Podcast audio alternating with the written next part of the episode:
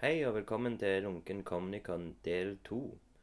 Jeg ble invitert av eh, Maja Øvrebø og Rasmus Husebø til å snakke med Øyvind Sagåsen, årets hovedgjest på Comnicon, som eh, ble på en måte min ting, det jeg skulle gjøre da den, på denne tegneseriefestivalen. Og det var òg første gang jeg hadde et slags sceneintervju eh, med publikum. Det bør jo sies.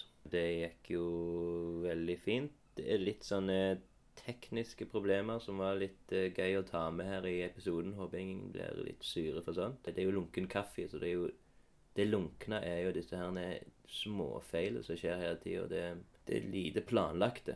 Her, som den første lunken Comnicon, så er det en del visuell kommunikasjon. Så da, for dere, eh, for lyttere som ikke var der den kvelden, er det veldig greit å se på bildene som ligger nå på lunkenkaffe.no, og i, på min Instagram, espen-birk, under lunkenkaffe-hashtag. Iallfall de siste Det siste vi nesten snakker om, sånn helt i slutten, så snakker vi om noen av de Radio Gaga-stripene hans. Da, da blir det veldig sånn eh, visuelt. For eh, når vi forklarer striper og hvordan det blir tegnet og tankene bak det. Det var veldig fint eh, intervju. Jeg er veldig glad for at det var liksom min første live-intervju. Jeg har jo hatt live, live med jingler, og, og det var jo en ting jeg hadde jo tenkt å ha med en del. Jeg hadde med meg en haug med jingler, så jeg skulle liksom ha litt sånn segmenter inni for å gjøre det litt mer lunken kaffeaktig. Men jeg tror det var like greit at jeg ikke hadde de, for eh, snakket ble så naturlig og fint uten. Det hadde bare vært i veien med litt jingler, tror jeg. Uansett, eh, vi har litt førsnakk og litt ettersnakk i tillegg til selve livesegmentet, som er òg eh, veldig fint. Eh, det er mye pytonsnakk, eh, både før og etterpå. jeg vokste jo opp med pyton. Jeg lærte å tegne av pyton. Spesielt pupper. Selv om jeg ikke tegner så mye pupper, så var det liksom eh, pupp, mye pupper i pyton. Så jeg og prøvde å tegne. Det må jo kanskje sies at jeg eh, hadde tenkt å snakke med flere i en sånn mer eh, utegående reporterstil, der jeg gikk rundt med mikrofonen og spurte litt forskjellige av andre av disse tegneserieskaperne om ting, eller snakket litt og gjorde litt sånn lunkument, som jeg kaller det. Men jeg tør det ikke. Jeg ville ha all fokus på den, akkurat denne samtalen her, og det er, tror jeg er bra. God lytting! Lunken kaffe. Jeg var jo superfan, liksom. Mm. før jeg møtte Du har lest det? Mm. Når er du født? Spør? Jeg er født i 1983, Ja. men jeg har liksom lest det ut sånn som en tiåring. Og da er det jo ekstremt spennende. ja, ja, ja. Det var jo midt i verste tida. Altså. Så Vi må jo snakke litt om pytontiden. Ja, det, det kan vi godt. Ja, det var kul tid, altså. Vet du hva, jeg har en sånn uh, lyder, jeg, så jeg tenkte bare sjekke uh, lyder. sånn jingler og sånn. Oh, ja, OK. Så jeg har sånn åpningslyd. Kanskje vi skal ta den, så kanskje folk kommer inn. Oh, ja, OK. Du har vært en del intervjuer, deg, eller? Ja, jeg har jo det. Så har jeg sagt det meste. Ja. ja, altså, jeg er jo ikke bonde for å tale. Jeg er jo ikke altså. Jeg er ikke kjent for. Jeg ikke det, altså. Så den her gikk ikke ingen lyd. Du får stoppe meg hvis du begynner å ramble altfor langt inn i et eller. Jeg det? Er Jeg ikke litt ikke, jeg er fra Odda, så jeg er vant til at folk snakker kjeften på meg. Så det går veldig bra. Ok, jeg må sjekke om den her lyd, lydgreiene er noe gale. Nå har vi byttet det teknisk med en gang. Ja, ikke sant? Veldig glad jeg slipper det. altså. Ja, det var det. Jeg satt der i stad. Det var liksom sola kom rett inn. i For de her ikke. Så det. Ja, yes. Så det er greit her. Er det du som har teknisk ansvar for det? Nei, nei. um, Spør teknisk. Vi trenger litt teknisk hjelp. Skal jeg gå og se om jeg finner Maja, eller? Jeg kan finne deg. OK. Drikker litt kaffe og sitter her på Vi Nei, nå fire minutter start. Eh, veldig kjent eh, problematikk der. Jeg tror det er den HDMI-kabelen som fucka meg. Oh, ja, ok. Ja, for dette, han vil ta Ja, det var den lyd... Men jeg, jeg tror jeg merket at den HDMI-kabelen har fucka med lydsystemet. Nå må vi snakke med noen andre enn meg. Er Rasmus ledig til snakk? Ah, jeg skal se om Rasmus Kanskje vi skal ta den der eh, sånn kjenningsmelodien midt inne? Ja, det kan vi gjøre. Han synger. Hvor ofte ser publiserer du nye episoder? da? Er det sånn månedlig?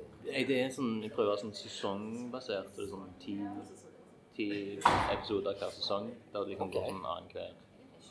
Um, For du er litt avhengig av å få Det blir jo veldig det er jo spennende med Radio Gaga-podkast om du klarer å For du må jo ha en viss frekvens på det for at det, du skal få noen following på det. men har du For det er én episode. Og Det er én tatt men det er jo planlagt at det skal bli fast. Ja. ja Men jeg skal ikke være på alle. Å nei. For at det er så um, Kommer det ikke lyd? Ja, det er Han får lyd på mikrofonene, men ikke på Jeg tror det har noe med den eh, HDMI-en å gjøre. Kupper han eh, utgangslyden, eller? For hvis jeg bytter, ut HDMI-en, og så trykker play Skjer det Skjer det sånne ting?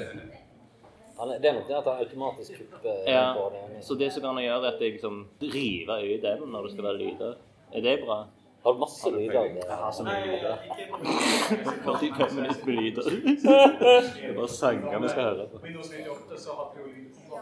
Det var sånn at du kunne si akkurat hvor du ville ha et utbytte. Akkurat der var Windows bedre. For, for nå gikk OK, så nå er det veldig høyt. Det er veldig høyt fra den. Men, Ja. Men jeg, Men når jeg tar den inn, hva skjer da? så nå er det eh, snakke. Ja, Da begynner du snart. der var han. Har man jo. Hva var det du gjorde? Jeg var her. Ja, det holder, det holder, det. var en presence. Men den virker jo ikke. Veldig bra. Da har ikke min helt inn. Så du får velge enten for å ha bilde eller for å ha lyd. Jeg vil lyd. Dette skal ikke jeg mene Hva, noe. hva, er det, hva er det lyd du vil kjøre? egentlig? Ja, det skal jeg skulle lyd. Ja, ja. Hvorfor må, du, hvorfor må du ha lyd? Nei da, det var bare intromusikk for å få lokke folk til å komme inn. Nei da, nå er klokka 17.10, så da begynner vi denne her eh, Seansen. seansen, ja. Du må nesten ha mikrofonen mm. for Vi snakker litt Sånn er det. men, eh, Visste det det. Ja. Yes. Yes, eh, det her er jo en eh, slags podkastinnspilling av Lunken kaffe her, med Øyvind Sagåsen. Velkommen. Tusen takk skal du ha. Vi kan snakke om din karriere. Ok. Ja, det blir litt uh, Et fyldig tema, det er det. Holdt på Ja. lenge. Ja. Og du, har vært på en 30-årslisting nå nylig. Er det fælt å si. 30 år? Det Eh, Ni år, ja faktisk. Jesus, okay. jeg har jo jubileum. Det var for meg. Ja. Så 89 var vel eh, på en måte den offisielle starten. Det var det. Men jeg har jo funnet fram det her eh, bildet her oppe, som er livet på en brannstasjon. Ja. Er det den første, liksom? serien? ja altså, eh, skal, skal jeg fortelle litt om akkurat det, eller? Eh, Det vil jeg gjerne høre om. Ah, Ok. Det som var litt av greia altså med, med denne serien her, Det er jo den første stripeserien jeg lagde. Og dette er den aller første tegneseriestripa jeg på en måte lagde i et ordentlig format. Og, denne tror jeg jeg la- jeg lagde når jeg var 15, eller noe sånt. Okay. Så det, det, det, det som var greia, var jo det at jeg, begynte å lage tegneserier litt så, altså, som barn, da. Mm. Eh, og så, eh, og så eh, eh, var det jo eh, litt forskjellige formater og litt, litt ymse. Eh, og det som snudde alt, var jo det at vi fikk Jeg bodde jo i Odda Ja. i Hardanger. Og det som snudde på alt, var jo det at dette var egentlig bare ment for skrivebordskuffer, og sånn som de aller fleste kids holder på med. Men så fikk vi jo nedflytta til Odda som heter Christian B. Walters. Og han hadde litt mer utferdstrang og sjøltillit enn hva jeg hadde. Så, så eh, vi holdt på litt sånn å eh, lage tegneserier til hverandre, holdt på å si, og holde på med det her som, som en slags hobby. da. Eh, men, men han hadde jo mye større planer med dette. Så han skulle erobre verden. Altså Han kom fra London, han helt annen, eh, helt annen utsikt enn enn, eh, hva du har når du er født i, i eh, lille Odda. Så, så han, han eh, dro jo med Han kom jo eh, liksom og la på bord en, en mye større eh, større selvtillit og en større ambisjon enn hva jeg hadde for det greiene her. da. Men han mente det at meg og han, vi, det var det vi skulle holde på med. da. Og det som skjedde, det var veldig lang vei rundt dette. Du stoppa meg hvis det blir for omstendelig. Men det som skjedde, var jo det at denne her serien var allerede litt sånn i gang. Eh, og så eh, satte vi oss ned, og så starta vi noe som heter Norsk Seriebyrå i 1989. Og vi skulle jo ut og erobre hele Norge. og, og eh, eh, Det er jo litt sånn småpinlig å se tilbake på nå. Er du 18 år og, og eh, er liksom full av øyebris. Eh, men det funka jo på et eller annet vis. Vi kom jo på trykk og sånt. Og vi måtte ha noe i porteføljen. Og da, da var det denne egentlig lite gjennomtenkte serien som, som ble putta i porteføljen og bare spydd ut i alle landets aviser og ukeblader og i et sånt massivt eh, Og så, og så ble det napp på han. Jeg tror eh, avisene lot seg vel kanskje sjarmere mer av ungdommelig pågangsmot enn selve produktet, da, men eh, Du er ikke fornøyd med det? Nei, nei det, altså, det, det har skjedd ting siden jeg var 15 år på da. Så hvor, hvor lenge holdt du på med denne brannstasjonen? Nei, Brannkorpset til serien, den, den Ok, eh. Ja, alt i orden. Eh, det gikk fram til faktisk siste avis trykte siste stilbo i 95 eller noe sånt. tror jeg. Okay, så du... Men da var den gått i reprise litt, så jeg husker ikke helt når jeg sluttet å tegne. Men ifra, i en fem-seks år tror jeg jeg holdt på, eh, på eh, med den. Altså. Så han gikk utover på 90-tallet. det gjorde han. Så det ble en 1000 striper av den før, før ble eh, lagt ned. Oh, ja. Og han kom inn i 25 aviser. Hæ? Du har ikke samla det i noen bok? eller? Nei, jeg har ikke det. altså. Det, det er jo klart eh, en, en, en, eh, må jo lære seg å leve med ting en har gjort tidligere, men, men eh, det er ikke noe jeg pusher veldig på for å få gitt ut. altså. Det er ikke det. Men det er jo, det er alle må begynne en plass. Ja, ja, ja. Ja. Jeg er. Gjetter til 15 skråstrek. Ja, dette er jo 15-åring. Ja. Eh, Og så lagde jeg vel en, en 50 striper som på en måte bare lå i skuff, skuffa. Men når vi starta, så måtte vi begynne å tegne serien fra stripe 51. Sånn. Så, så da begynte det å bli en jobb på et vis. Da, mens dette er egentlig bare holdt på å si, hobbyprosjekt. Ja. Men hva, hva, hva, hva, hva du vokst opp med? da?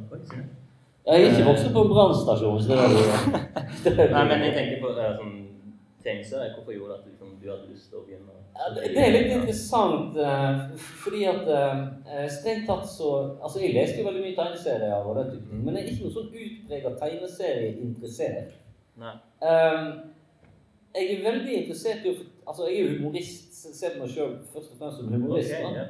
Eh, og jeg er veldig interessert i, i Altså, jeg har jo et fortellerbehov og et uttrykksbehov. Da, og jeg er interessert i å komme ut og bli lest og, og, eh, og eh, være, stå, være litt sånn sirkushest. Altså, være litt i manesjen.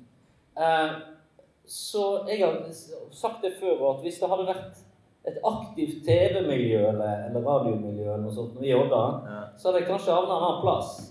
Men, men siden jeg hadde drevet litt med serier før og sånn, og hadde veldig, eh, veldig behov for å fortelle noe og for, for å være morsom og drive med humor, så, så var tegneserier veldig lett tilgjengelig. altså stripeformatet. Ja. Og eh, jeg har alltid vært veldig glad i det faktum at du, eh, at du kommer ut i avisene. Mm. Altså at du, at du på en måte er en plass der folk eh, Altså rørleggere revisorer og barnehageansatte og alt altså åpner avisa si om morgenen til kaffen, og så kan jeg være der. Ja. Eh, det er superinteressant for meg. Altså enda mer interessant er f.eks. å eh, være på en eh, smalere plattform der du snakker til andre folk i samme yrkesgruppe. Så vil jeg mye før være på frokostbordet til, til eh, så mange som mulig. Altså til andre, andre folk. Det er der jeg liksom føler at jeg har eh, lyst til det. Har liksom gitt ut på 350, leste jeg. Ja, det er litt sånn grovt eh, regna. Ja. Men aviser, Ja, vi, har vært innom alle aviser en liten periode? eller? eh, altså, når vi, når vi ga oss med norsk serie vår, så tror jeg vi hadde en sånn kundeliste på en eh, rundt nærmere 600 publikasjoner. Ja. Wow. Og eh. Christian har flere. Det, for jeg blir, jeg blir ofte presentert som den som har flest. Men han har enda flere. Men vi var jo en del av de samme òg, eh, Men på et tidspunkt på eh, Der har du Christian Walters, Power-Chris tegner jo han er pyton. Blås opp her litt. Gjør det. Tåler han. Eh, og på et tidspunkt eh, på 90-tallet, tidlig på 90-tallet så var jo vi regna Plutselig våkna vi og var i halvparten av Norges aviser. Det var jo et par aviser den gangen. Eh, og i samtlige ukeblader. Nå var jo ukebladmarkedet litt annerledes den gangen. Litt sånn Se og Hør med Ja, så ser og Hør, vi menn, eh, hjemmet altså alle, Alt det du fant. Nå er, ser jo bladhyllene litt annerledes ut, Ja, er mye utenlandske titler. Eh, pluss en god del av fagbladene. Pluss eh, en del av tegneseriebladene og en del utenlandske. Mm. Så når jeg tenker tilbake på det Når jeg sto midt oppi det, så, så tenkte jeg ikke så mye på det. Men når jeg ser tilbake på det, så var det ganske mye. altså. Det var det. Men Ja. jeg fortell litt om eh, For det her ble jo Eller det her med forlaget, da. Hvor lenge varte det? Det var ikke et forlag, det var faktisk eh, eh, noe som heter Tegneseriesyndikat. Okay. Et forlag gir jo ut eh, bøker og sånt, mens Ja. vi er de som på en måte skaffer materiell til blader og forlag. Ja. Så, så vi eh, tok våre, våre egne ting samt en del andre serieskapere sine ting, og så går vi til forlagene og sier eh, ja. Og dere to som 18-åringer gjorde dette? Er det vi to som 18-åringer gjorde det, og, Ja. og hadde vel visste vel svært lite om hva det gikk ut på når vi starta, men eh, ungdommelig overmot det hjelper veldig. Altså. ja. Hvor mange hadde dere med? Nei, Av serieskapere og sånt? Ja. Nei, vi hadde På et tidspunkt så hadde vi en del serieskapere fra England. Christian er jo eh, fra. London har en del kontakter her. Mm. Og en del norske. Men det gikk jo veldig mye på dette humorformatet. da. Ja. Altså ting som skulle passe inn i uh, andre publikasjoner. Ikke nødvendigvis lengre serier eller ting som skulle gis ut i bokform. Så, så jeg vet ikke. Det det var ikke så mye. En ti leverandører kanskje på, det på ting. Ja. Mm. Det ja. Men la oss gå videre til Ok, så, så det varte et par år? Nei, det varte jo faktisk fram til 2013. Så okay, så ja da, så Norsk Serie har alltid på en måte vært firmaet vi har jobba ut ifra. Men eh, det, det var der Altså eh, Det var der vi leverte ifra til Pyton og til avisen og Ja, okay, alle sånn, sånne ting. Så, så hadde vi et felles firma som vi ja, For, brukte. for når du var på Pyton, da hadde du sånn en Gregor Bang, verdens tøffeste postmann? Ja, stemmer. Den gikk i en del eh, historier. Ikke, ikke kjempemange. Christian var jo lenger i Pyton enn jeg var. For Ja. Han begynte litt før. Så jeg kom inn, og så på et tidspunkt Jeg hadde vært der et par år, så gikk jo Pyton eh, ad undas. Ja. Det var Eh, kanskje bare tre år. Ja, jeg husker ikke hva årstall de gikk det ned. ja. men, ja. men men, men det var veldig kult, for um, ja, der har vi jo Christian gjorde jo stor suksess med Powerchris-figurene sine. Og der, det som var fantastisk med Pyton, var jo det at det var et miljø der. Ja. Det er ekstremt uh, viktig altså for alle som holder på med sånne ting. det er. Men dere samles liksom for å ja, for å se, eh, eh, vi, vi, vi hadde to ting som var kjempeviktige. Det ene var en redaksjon. Mm. Redaktører er tungt undervurderte mennesker. Altså, det er eh, Alle som holder på med tegneserier og andre ting, har veldig godt av å treffe en flink redaktør. For da, eh, eh, Det er læringskurver som er fantastisk. Og han eh, som var redaktør for dette etter Dag Kolstad, han var jo sjøl seriefigur, da. Redaktøren. Mm. Eh, og han kan du si mye rart om, eh, for han hadde veldig sterke meninger om ting. Og ofte så var han uenig med, med Dag om, om ting. Men han hadde en visjon for dette. Uansett hvor Han måtte inn på teppet til, til Barneombudet og litt sånn forskjellige ting gjennom, eh, gjennom eh, denne prosessen. Men, men eh, han var veldig sånn bevisst på at uh, dette er redaksjonen. Mm. Eh, dette er bidragsyterne. Og han, vi hadde julebord, vi hadde et slags miljø rundt, og du hadde redaksjonslokaler du kunne møte opp i. Og han betalte bra. Ok. Eh, og det er en sånn underkommunisert ting som jeg har sett nå når jeg har holdt på i 30 år. Mm. Eh, som, som folk ikke helt skjønner mekanikken i. For det, eh, hvis du klarer å betale et menneske for å holde på med, eh, med det hvis, hvis det har talenter og er flink til dette, og så betaler en lønn du kan leve av, så, så eh, får du altså en sånn eh, vanvittig formstigning på dette greiene. For at du kommer inn i en helt annen sfære, en helt annen hverdag i yrket ditt. Og det var hans idé. Nå betaler jeg sånn at dere kan slutte i alle andre jobber og bare tegne Pyton. Og så, og så eh, eh, ut av det kom det enormt mye serieskapere som holder på i dag. Mm. Frode Øverli og Ja, og ja. Og han, han, han fikk inn ganske mye yngre folk. Veldig talentjakt hele tida. Mm. Det var det. Og så hadde han jo det her spesialpyton som unge folk fikk prøve seg i. Ja. Det var to pyton. Det var det proffpyton som kom ut, og så var det spesialpyton. Og der, der var det jo utall med altså, talenter som fikk testa seg eh, litt. Grann. Og mange begynte der og gikk over til ordentlig pyton etter hvert. Det er kult. Uh, neste bilde har hengt seg opp. Sånn, så, eh, Og verken lyd eller bilde. Altså. det dårlig. Um, Dette er veldig kjent. Ifra. Kjenner deg igjen i dette? Ja da. Der kan man. Der kan man. Der har vi uheldig yrkesvalg for disse. Ja!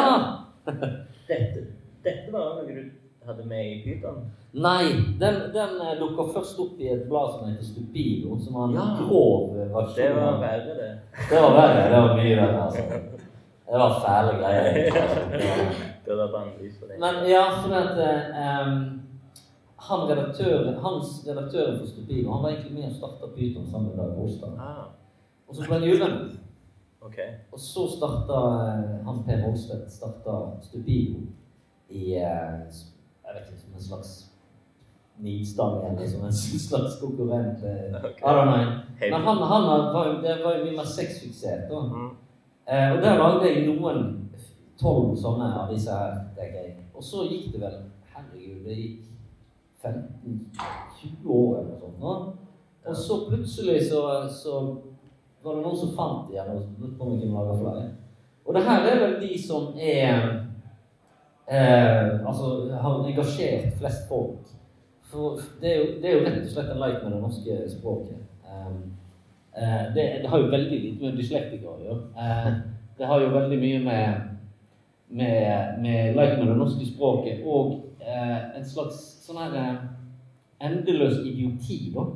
Eh, fordi at de her folka som figurerer her eh, Det holder ikke bare det at de leser ting feil. Det ville ikke, vil ikke fungert. Det ville ikke vært noe gøy. sånn. Men du må møte opp på jobben og gjøre den med stor innlevelse. Eh, og så er det òg en sånn der, eh, aspekt ved at ingen rundt deg korrigerer deg på et eller annet vis. da.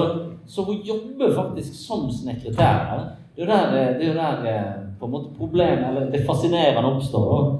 Så hver dag så møter hun opp med hammer og spiker på jobb, og, og, og, og eh, har tydeligvis jobba der en stund. og ja, det er, liksom, det- er sikkert plagsomt for eh, medarbeidere og sånt, men, eh, men det er ingen som sparker eller noe sånt. Altså det, det ligger en sånn galskap i akkurat det aspektet der som gjør at det fungerer. Det var det noen av disse som var veldig grove seksuelt. Nei, eh, faktisk, dette var ikke eh, Dette var ikke sex. Jeg, jeg var ikke så veldig på det, altså. Jeg, klarte ikke helt å, å, å kjøre inn på, på det, det, det groveste. Jeg hadde en serie som, som handler om en, en politimann i Stupido som gikk ganske lenge, som heter Magne Messing, som jeg ikke skrev. nå. Og eh, det var litt sånn eh, Ja, lettkledde damer og litt sånn greier i det, men ja Nei. Det er ikke helt der det har vært. Her har vi flisespikkeri. Ja, eh, den oppstår jo som en slags, eh, slags For det- den her eh, uheldige yrkesvalg den gikk jo i et blad som heter Rutetid, Ja, okay. som nå har blitt Ruter og etter, Mm. etter Strexit. Eh, så så eh, eh, gikk jeg litt tom for den, og en skal ikke tyne ting lenger enn de går. Nei. Så, så eh, da ble det heller at jeg samla Ruters ideer, de som passer best i ei rute, ny, eh, med en ny heading, og bare for å gi det en slags ramme. Som heter flisespikkeri. Og hvor gikk disse? Nei, de òg gikk i Ruter, eh, Ja. og de går nå i Vi Menn i tillegg. Oh, ja, ok. Ja. De holder på med ennå. De holder på med ennå, ja.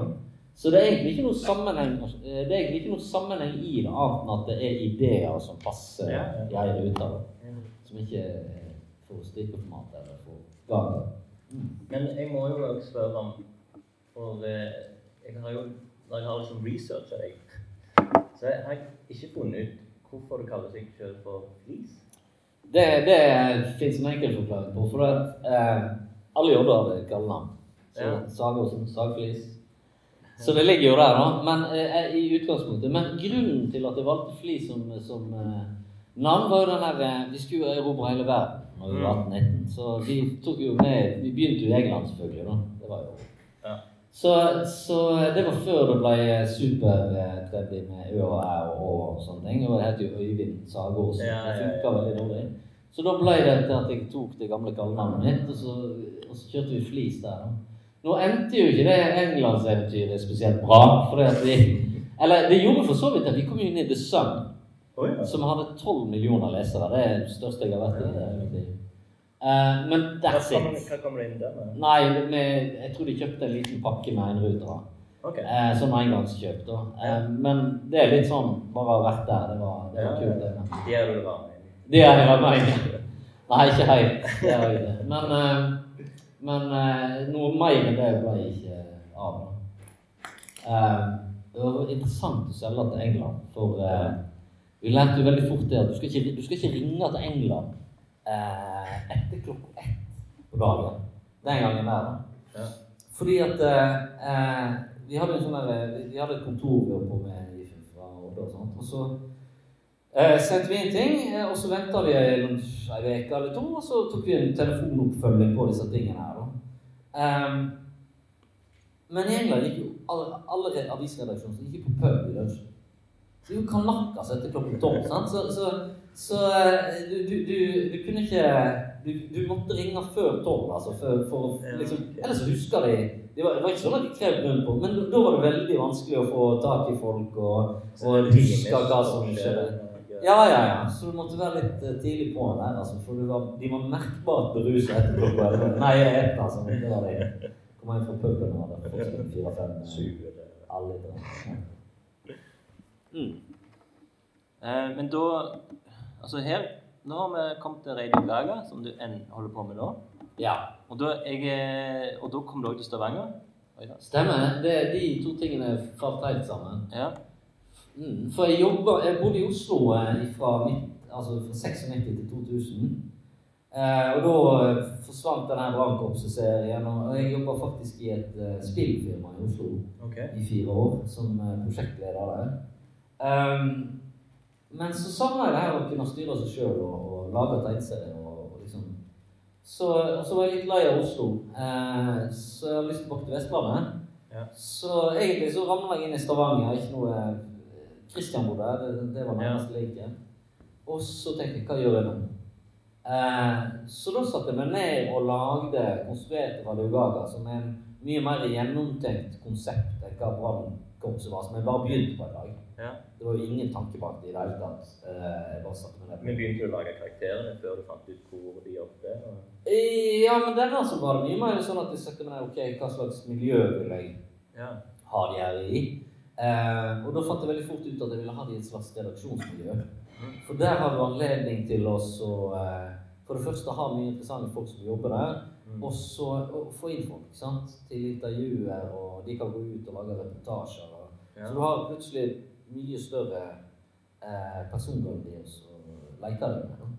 Og du kan få inn folk og kaste ut folk uten at det er noe problem. Og så satte vi ned og lagde karakterene, som òg er, er gjennomtenkt, selv om de aldri er ferdige når du lager dem, selvfølgelig. De blir jo litt organiske til etter hvert. Ja. Eh, for de begynner jo å fylles med innhold og lage, ha sitt eget liv på et eller annet vis, få sin personlighet.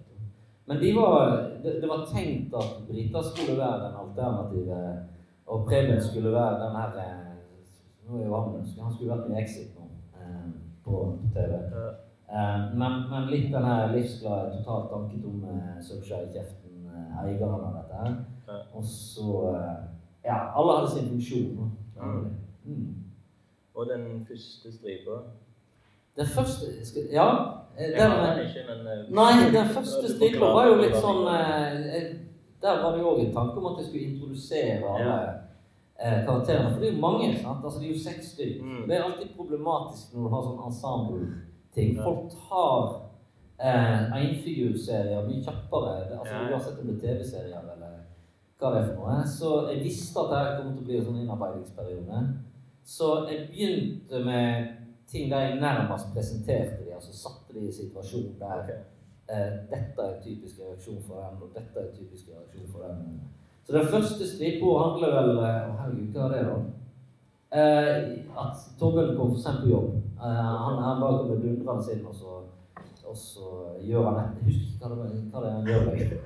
Men det er et eller annet der. Og så kommer Preben plutselig i døra i stripetid igjen og sånn, Og, eh, etter å ha vært på lunsj i tre måneder og helt uh, ute. Han aner ikke om han driver radiostasjon eller TV-stasjon. Liksom ja, For han er det ett fett. Altså. Ja. Så de hadde liksom kjent for hverandre fra før av? Ja, nå lagde jeg- Så det var ikke en ny som kom inn? Og... Nei, de visste hvem han var, ja. Ja. Så, men jeg lagde en historie som faktisk er ut, gjenpublisert i år. Okay. I den nye boka. Ja. eh, Som heter Genesis. Der jeg i retrospekt prøver å liksom sy sammen det her universet. Okay. Og det er jo en litt sånn øvelse i at jeg begynte jo midt i, Ja. så hvor treffer de hverandre? disse her? Mm. Så det var jo litt kult. Eh, Altså, det, der fikk jeg jo leit meg litt grann med, med hvorfor i alle dager bør en jobb, f.eks. Det, ja. det kan jo alle lure på. Men eh, jeg måtte finne en slags forklaring på det. rett og slett. Men den gikk jo gikk han, han gikk først Jeg vet han gikk litt i Bandus, og så gikk han opp i altså, Han begynte i et blad som heter Bizarro. Bizarro, var det, ja. Ja, eh, som var en satsing fra Egmont. Eh, interessant der, for at Egmont eh, overtok jo veldig mye av tegneserie-Norge i eh, hvor var det? begynnelsen av 2000-tallet. Mm. Så gjorde de et slags kupp der de De var jo to store aktører. Det var jo Bladkompaniet som eh, Som nå vel Skipsted. Ja? Eller det, det de var, i hvert fall. Men, men eh, eh, Og så hadde du Egmont som, eh, som eh, egentlig bare ga ut doner. Og ikke klarte Ja. å produsere noe sjøl. Mens Bladkompaniet produserte veldig mye pondus og kom ut med veldig mye. Mm. Men Egmont er jo en veldig svær maskin, så de gikk litt sånn inn og bare løfta ut liksom talenter ifra. Og så ble det et lite kupp der, og så, og så eh, skulle de begynne å lage innhold. Og der var det bare på involvert.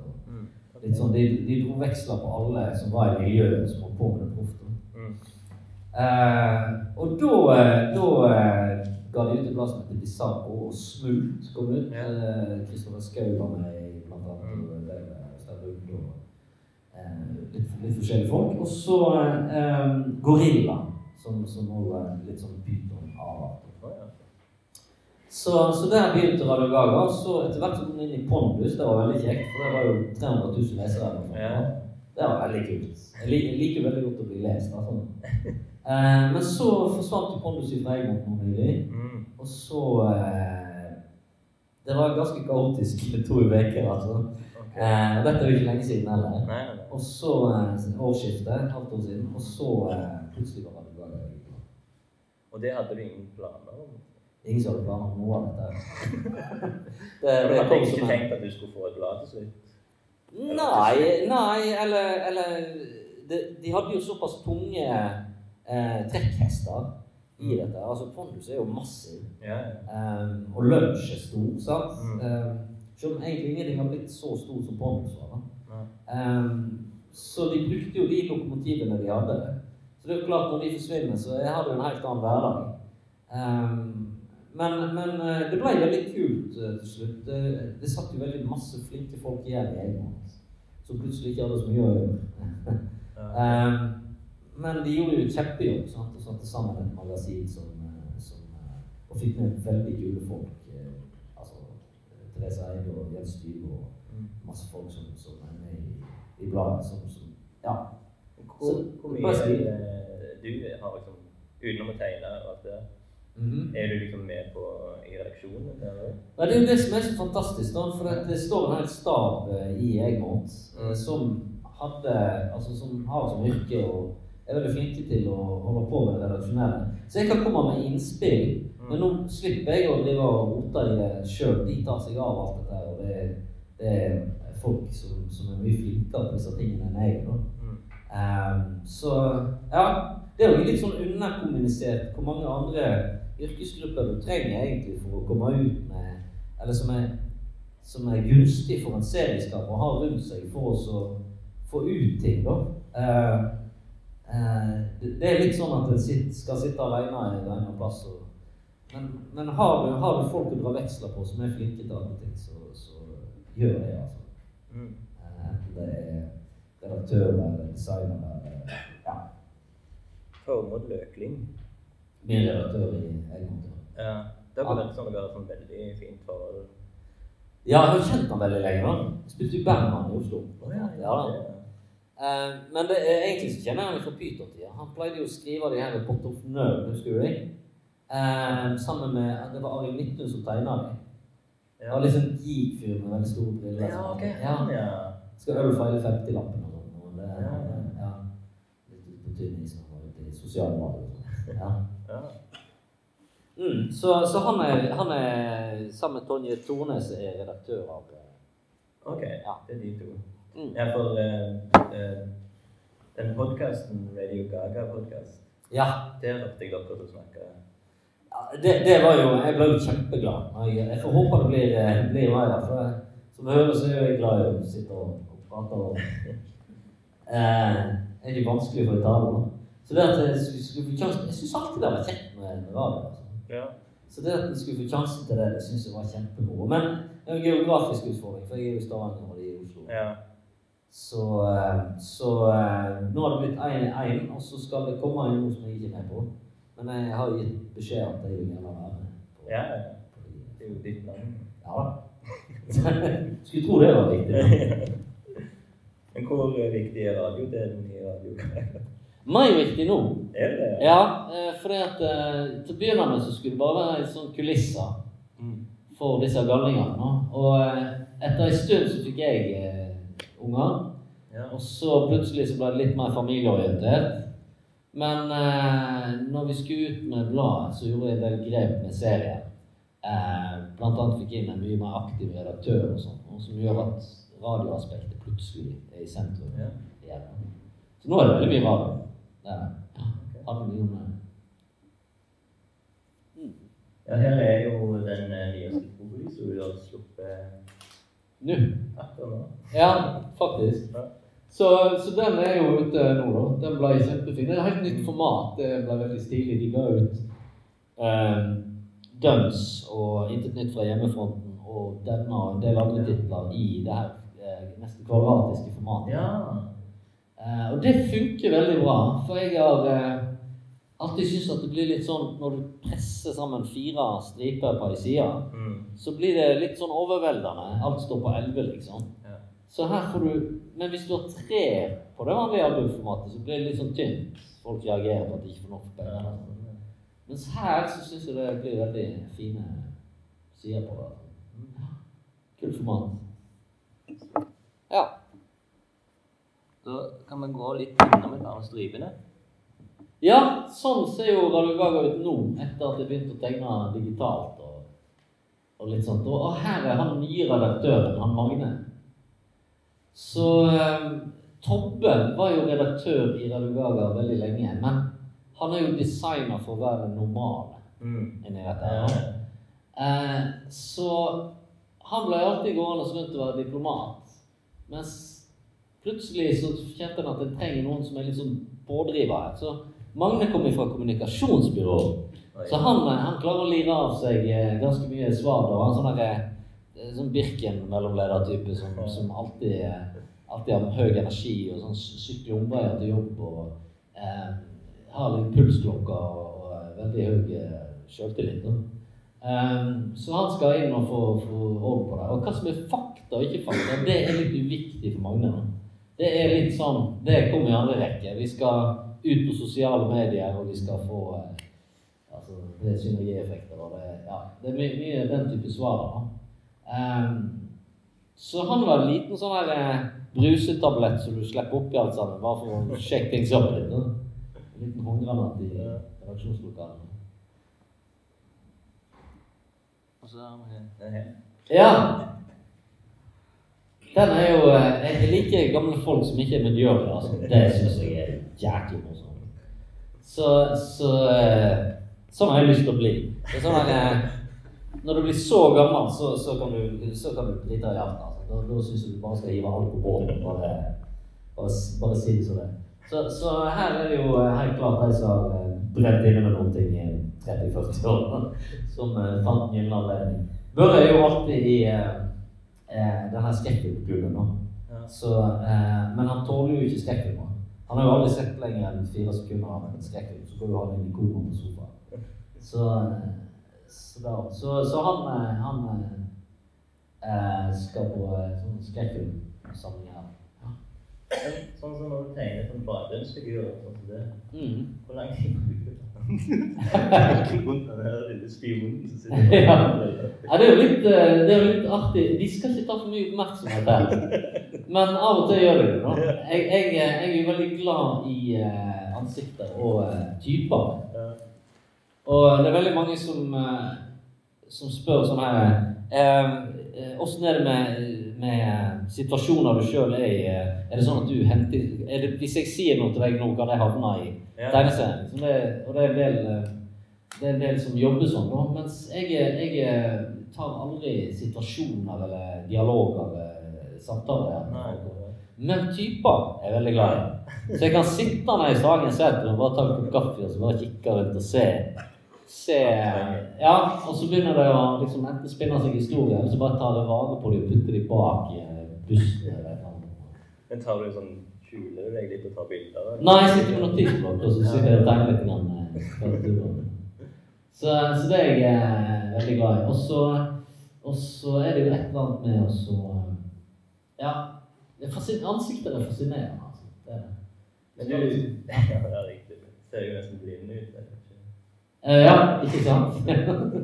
Lett nærsyn. Jeg var ikke klar over at de tok så mye oppmerksomhet. Jeg bare ikke. Men eh, jeg lærte lært en lekse her. Men tar du ting Du tar litt ting for deg? Ja, jeg gjør det, men jeg, jeg prøver også ikke gjøre det altså, Nei, ja, altså gjøre det helt ord for ord. Ja. Eh, eh, jeg omskriver vel ting. For jeg har en sønn, og han er helt sikker på at han er med i serien. Okay. Og han er jo en liten lyslugg og passer litt sånn i alder og sånt. Og, Men jeg prøver ikke å ta konkrete ting han har sagt. Og, men, men mer den der erfaringen med å ha barn. Ja. Liksom.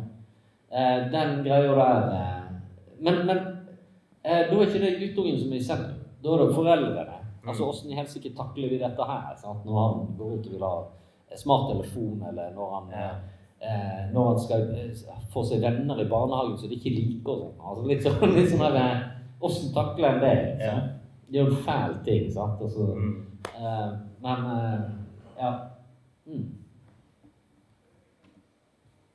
Og så har vi henne. Ja. Og Det- han, han, jeg føler jo litt at han her er litt Selv om alle karakterene er hovedkarakterer, så føler jeg Tobin er litt sånn ja, han er nok det. Og han har litt sånn samme funksjon som Seinfeld i Seinfeld. Ja. Han er jo den mest normale karakteren Seinfeld i Seinfeld. ja. Mens alle rundt er veldig sånn auktorerte. Ja. Uh, så så uh, Men er han bitte litt basert på deg? Ja, de sier jo det. Det er jo vi. Eh, Har han samme musikksmak? ja, altså Det, det blør jo inn i serien. Det gjør jo det. Så det, det ville vært veldig feil for meg å liksom skrive inn at jeg, jeg var sånn at, at det gikk mest i sånn polsk-jødisk jazz og sånn. Jeg, jeg klarer liksom ikke å framstille han troverdig i noe sånt, så jeg må ta et eller annet som jeg heter. i fremtiden. Så jeg har spilt i rockeband i, i, i en del år. Og, ja. og eh, Er du, Hæ? er du ute av det? Nei da, jeg eh, kommer aldri ut av det. Så gammel inn og spiller bass, tenker jeg. Men ehm, Men jo da, så, så han Og der fikk vi brukt litt den her nå i hans nye situasjon. For han eh, kom jo kjempeglad hjem og annonserte at han var blitt musikkjournalist. Og hadde fått eh, liksom sånn eh, altså gått ned i lønn og sånt. Og det var jo ikke populært her nei. For han er jo i lag med litt sånn mm. eh, sånn raftingdame. Eh, Fjellklatrerdame. Så, så han liker jo best å sitte på, i sofaen og se litt ut og spise popkorn og drikke øl. Liksom. Så jo da. Og det kjenner jo meg sjøl igjen i de greiene her. sant? Altså, når du går amok, når du er 18 og har verdens energi og øver konsert, liksom, så er det jo full pupp.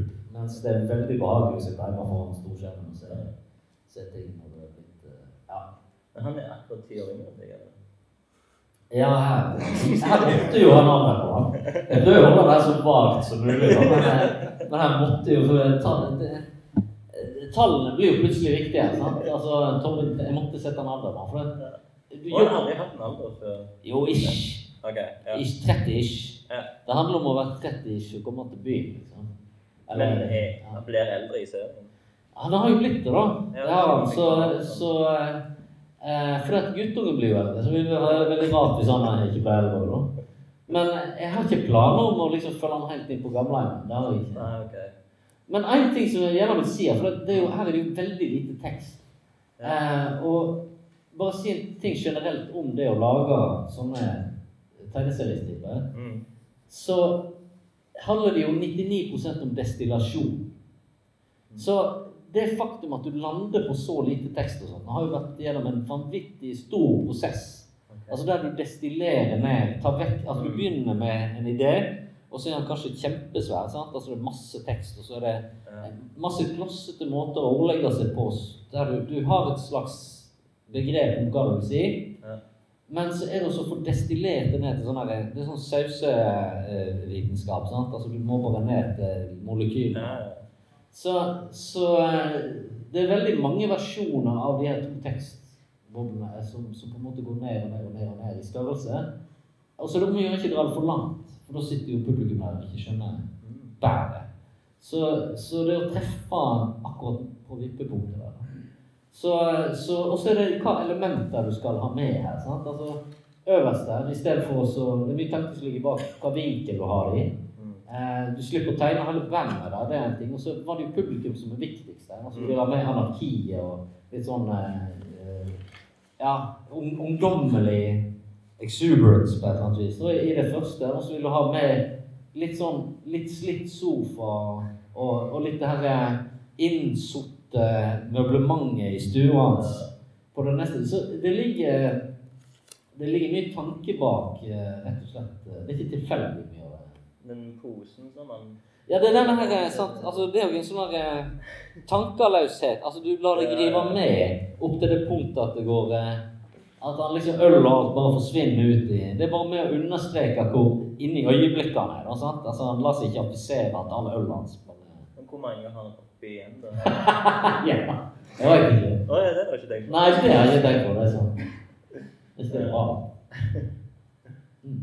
Men du, du begynner Du har gått over til digitalt til nå nylig med å? Ja, etter bladet så gikk jeg Ja, over til, til digitalt. Og det fungerer mye bedre for meg. Ok. Rett og slett. Oi. ja. Der var vi ferdig. Nei, for jeg, jeg tegner jo med, med tusj og pensel og sånt når det alle år. Mm. Eh, men det er et eller annet med Jeg bruker iPad og Procreate. Ok. Uh, og det Det passer Nå når jeg Går det er treningssak, det òg. Hæ? Går det fortere? Det, det er mindre s- søl, det er en ting. Det, det er et par ting du mister der, og så er det et par ting du får. Mm. Eh, Du har mye mer kontroll over tegningene eh, på et eller annet vis. Og så har du eh, har du en del verktøyer som gjør at du kan på en måte stokke om på ting. og Det er digitalt, så du kan manipulere ting uten at det gjør det altfor mye. Da. Men, eh, men så må en lære seg det òg. Jeg hadde veldig problemer med den zoom-effekten å begynne med. Det er veldig fristende å gå helt inn i tegningen. sånn. Så går du ut igjen, så ser du at alt har feil proporsjoner. liksom. Så du må lære deg å liksom holde deg på én-til-én-størrelse til å begynne med, og så heller gå inn i Ja, det er et veldig praktisk verktøy. det er det. Mm. Mm. Men det er ikke jeg som. Det blir sendt til faglegene i eh, et svensk firma. som Ok. Er du pleier du fornøyd med fargene? Eh, du, må, ja, du må jobbe litt. Det er et godt spørsmål, egentlig. For at, eh, eh, uten at jeg har sagt at jeg vil ikke ha noe med det å gjøre, å si. Men samtidig så merker du jo det når du får tilbake at her så jo jeg for det helt annerledes. Ja. Men jeg prøver ikke å legge meg opp i det altfor mye utenom figurene. Og så hadde vi en gjennomgang med fargene når vi begynte med dette på generell basis. Okay. Altså sånn Jeg vil ha mer juice i farger. Jeg vil ha mer skyggelegging. Jeg vil ha mer Ja, sånn, ja. Ja, de, de, Så de fikk en slags anvisning. Og de er veldig proffe, så de, de følger det ganske ok. altså. Så Den har blitt mye mer sånn saftig i fargene etter bladet. Mm. Men du liksom se som sample? Ja, da hadde vi, da hadde vi en, eh, rett og slett en dialog fram og tilbake der. Mm. Dette liker jeg, dette liker jeg ikke. Men en kan ikke holde på med det for hver stripe en får tilbake. For det, det er altfor arbeidskrevende. Eh, det her er jo daglig produksjon. Sant? Mm. Så ideen med å ha andre til faglige er at du skal få mer tid til å faktisk lage ting. Hvor eh, går de ennå i aviser? Han går i Aftenposten og i Nordlys og en del andre mindre aviser. Ja. Ei avis i Danmark. Ja. Ehm, og så går han i noen blader, og så uh, i eh, Radio Ja. Mm. Så ok, spredning på det der. ja. bra. Yes. Men eh, vi er snart ferdige, så jeg lurer på om vi skal ta et par spørsmål fra publikum hvis noen er interessert. Ja, du. Jeg må jo nesten uh, spørre, for uh, da jeg kjøpte inn første album, så sto det nummer to. Altså inni bladet så sto det at uh, nummer én kommer ingen noen gang til å få lese. Men det var et eller annet sånt det skrev i første album. Ok. Der ser du. Det er markedsføringsgeni, jeg kan ikke huske det. Det. Eh, det, det eneste jeg har sagt, er vel det at eh, eh, det er album nummer én som heter 'Stille før sending'. Det pressa jeg veldig på for å få utgitt i 2003 eller 2005. eller noe sånt. Og da var det nesten ingen lesere på Radio Gaga, så det kom ut i veldig lite opplag, og så solgte det jeg tror det var 1700 eksemplarer. eller sånt. nå. Eh, så fikk serien litt sånn gradvis mer traction. Så det er veldig få som har det første albumet, og resten er destruert. Så ja. Men, eh, men det er utgitt et album nummer én, altså. Det, ja, det fins. Yes. Noen andre? Noen som lurer på noe? Ja, ja. Kjør på. Stian. Da var det rett og slett hvilken oppløsning falt du på når du eh, tegner i radio, altså tegn, tegneserie i Procreate? Hvilken oppløsning velger du for å få det riktig? Det, det er jo litt interessant, for at eh, uten, å, uten å bli alt sånn for, for trykkteknisk, så, så følte jeg nå For det, er veldig mange som tegner digitalt i veldig mange år. Men da har de ofte hatt store verktøyer og sånt nå, og så er det avansert og dyrt, og det er litt sånn eh, eh, Det er en investering, da. sant? Og det som er greia, er at det har jo funnes måter å tegne eh, serier på eh, nettbrett og skjerm og sånt veldig, veldig lenge. Men for de enkleste løsningene så har det vært veldig dårlig oppløsning. Eh, og det er for folk som publiserer direkte til, til eh, internett. Men så er jeg jo avhengig av trykk. Shit skal på trykk, sant? Og hvis det skal ut på blankt papir, så må det opp i i hvert fall en 600 dpi for at det skal bli sånn crystal clear greier greie på det. Og for min del, som ikke er sånn super teknisk interessert, altså jeg er mer interessert i resultatet enn verktøyet, så var det først når eh, iPad Pro-en kom, som er litt større, og Procreate kom, som gjør at eh, de som er mindre teknisk interesserte, bare kan plukke opp denne Apple-penselen, starte programmet og kjøre på. Eh, da, var det hinderet veldig lite for meg. Det tar litt sånn tilvenning, men det, det Og så er det Responstida er jo null. sant? Altså, du, du tegner jo som du gjør på papir. Jeg hadde litt problemer med overflaten, men jeg kjøpte sånn her eh, folie. Sånn, sånn eh, Ja, det funka veldig bra. Sånn Paperlight. Ja. Har du et det? Jeg, spurte egentlig spesifikt om Jeg ble litt for teknisk. Det var egentlig spesifikt piksler. Hvor mange når du tar 600 dpi. Nei, 600 eh, det, da, eh, altså, hva, hva, Det er egentlig det er kjempe, altså, Jeg jobber jo veldig mye med det her når jeg jobber i Oslo med, med spill og den type ting. Altså, hva som er skjermoppløsning, hva som er trykkoppløsning. og- Det er litt vanskelig å forstå for en del folk. For at du, du kan jo være fin i 72 dpi, og så kan man være to ganger to meter. Sant? Og så har du en kjempeoppløsning på det. Da. Og så kan du ha en fil som er så bitte lita, altså kjempehøy oppløsning. Så, og så får du egentlig en lav oppløsning når du kjører på trykk. Da. Jeg husker ikke centimetermålet, men jeg tror jeg, jeg tok utgangspunkt i papirstripene mine, som er noe sånt som eh, til 30 ganger 11 eller noe sånt. nå, I den eh, greia der. Så hvis du ganger det opp med 600 dpi, så ja. Jeg jobber i avis. ja, men da kan du det her. Mer i jeg. På avis kan du printe hva som helst. Ja. Jeg fikk eh, beskjed av typografen at du printer på dasspapir. Flasspapir? Eh, Dasspapir. Å ja, dasspapir. Ja. ja.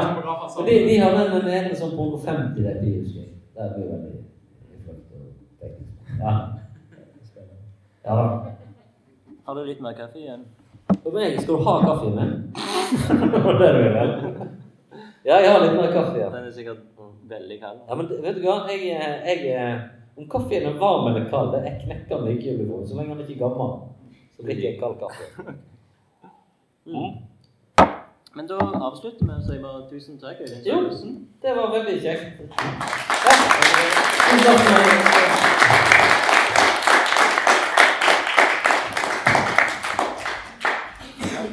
Ja. ja kjempebra. Ja.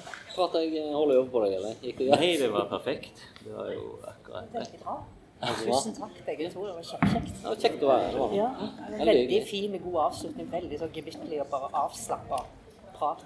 Ja da. Jeg, altså, jeg, jeg, pra- jeg sa det til han, jeg prater mye og gjerne, så, så jeg må jo bare begrense det litt. Ja, ja, men det var, jo bare en perfect ending, dette her. Det er liksom, Ja. bare- Ja, Yes, ok, så bra. Ja, for det, for det, det um, er jo ofte veldig mye en skal gjennom. Altså Når du sa det her, vi tar liksom karrieren, så er det jo veldig det er 30 år, liksom. Ja, ja. Ok, hvor mange timer har du? Ja, ja. Men det, det kan jo være ei sånn, eh, sånn greie at, at en eh, kan fokusere på mindre ting og sånt. Ja, det, da blir det ofte mer avslappa. Ja. Ja, sånn. Jeg synes det fikk en fin sånn bare gjennomgang av alt, men bare litt sånn dykker du litt inn her og der. Det er så mye galskap som skjedde i det pytontida. Ja. Jeg husker jo godt pyton. Det var en sånn ting jeg ladde i litt sånn tørr. Ja. Veldig, veldig, veldig lutheransk oppdratt. Jo, men så alt det det var det som var i pyton og i sånne ting jeg skjønte, dette var ikke sånn jeg skulle se på. Prosentvis var det jo veldig lite, men sensasjonen på det For de gjorde Ja. faktisk en statistikk på det. Hvor mye tiss og bæsj og rumper er det egentlig der? Ja, sant. og Det var forsvinnende jeg- Det overraska meg, og jeg hadde jobba der. Ja, sant. Det var forsvinnende lite, Ja. altså. For når jeg har Eh, men- lest noen striper i ettertid, så jeg husker ikke det at det var sånn. Nei, jeg tror Nei. det var mye verre. sant? Ja, ja. Det Men uh, det som var den store sjokket den gangen, var det at uh, det var første gangen du fikk tegneserier for voksne eller unge voksne. Så tegneserier var 100 assosie- assosiert med noe for barn. Ja.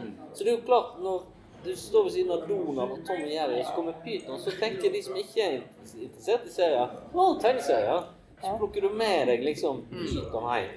Og det, det er jo klart at eh, forventningene i forhold til hva du blir presentert, er jo det er jo der sjokket ligger. Nettopp. Så Dag måtte vi inn på teppet til eh, Barneombudet to ganger. Han var inne hos Trond-Viggo Torgersen, og så var han inne hos han eh, Han måtte snakke med Trond-Viggo òg. Hva gjorde han for noe slemt som Trond-Viggo? Ja, det, Nei, det men altså, herregud. Og, og da handler det jo akkurat om det her. Eh, Ja. Og, og da tror jeg de måtte, utgangen var at de, de måtte merke det med serier for voksne. Ja.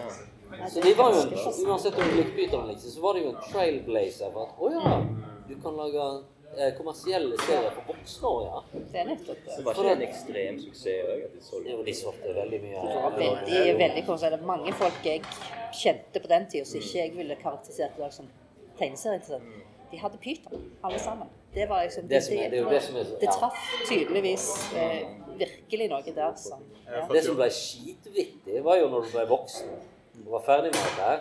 Og så kommer du inn og skal søke lån i banken, og sånne ting, så, så sitter de her i slips, eh, gutta. Og når, når du, de hører at du har tegna for pyton og sånt, altså, hvis, så bare rakner de. Altså Du ser slips og løsner og sånt. De blir helt sånn, de blir drittunger igjen. Og Altså. så Hele fasaden bare smelter på det på et eller annet vis. Det, det må jo ha hatt noe impact. Det er Jeg, jeg var jo født i 85, så jeg var vel 7-8 år da jeg først så et pytonblad. Oh, ja. Det var trailblazing for deg, ja. Tissebæsj. Sant, det var vi I bladet. kommer det flere, eller? Kommer det flere? Nei, det er siste. Vi siste. Dere var sist. Ja, du var jo liksom det siste one. Yes. Veldig hyggelig. Tusen takk for det. Det var, det var veldig kjekt. Lunken kaffe.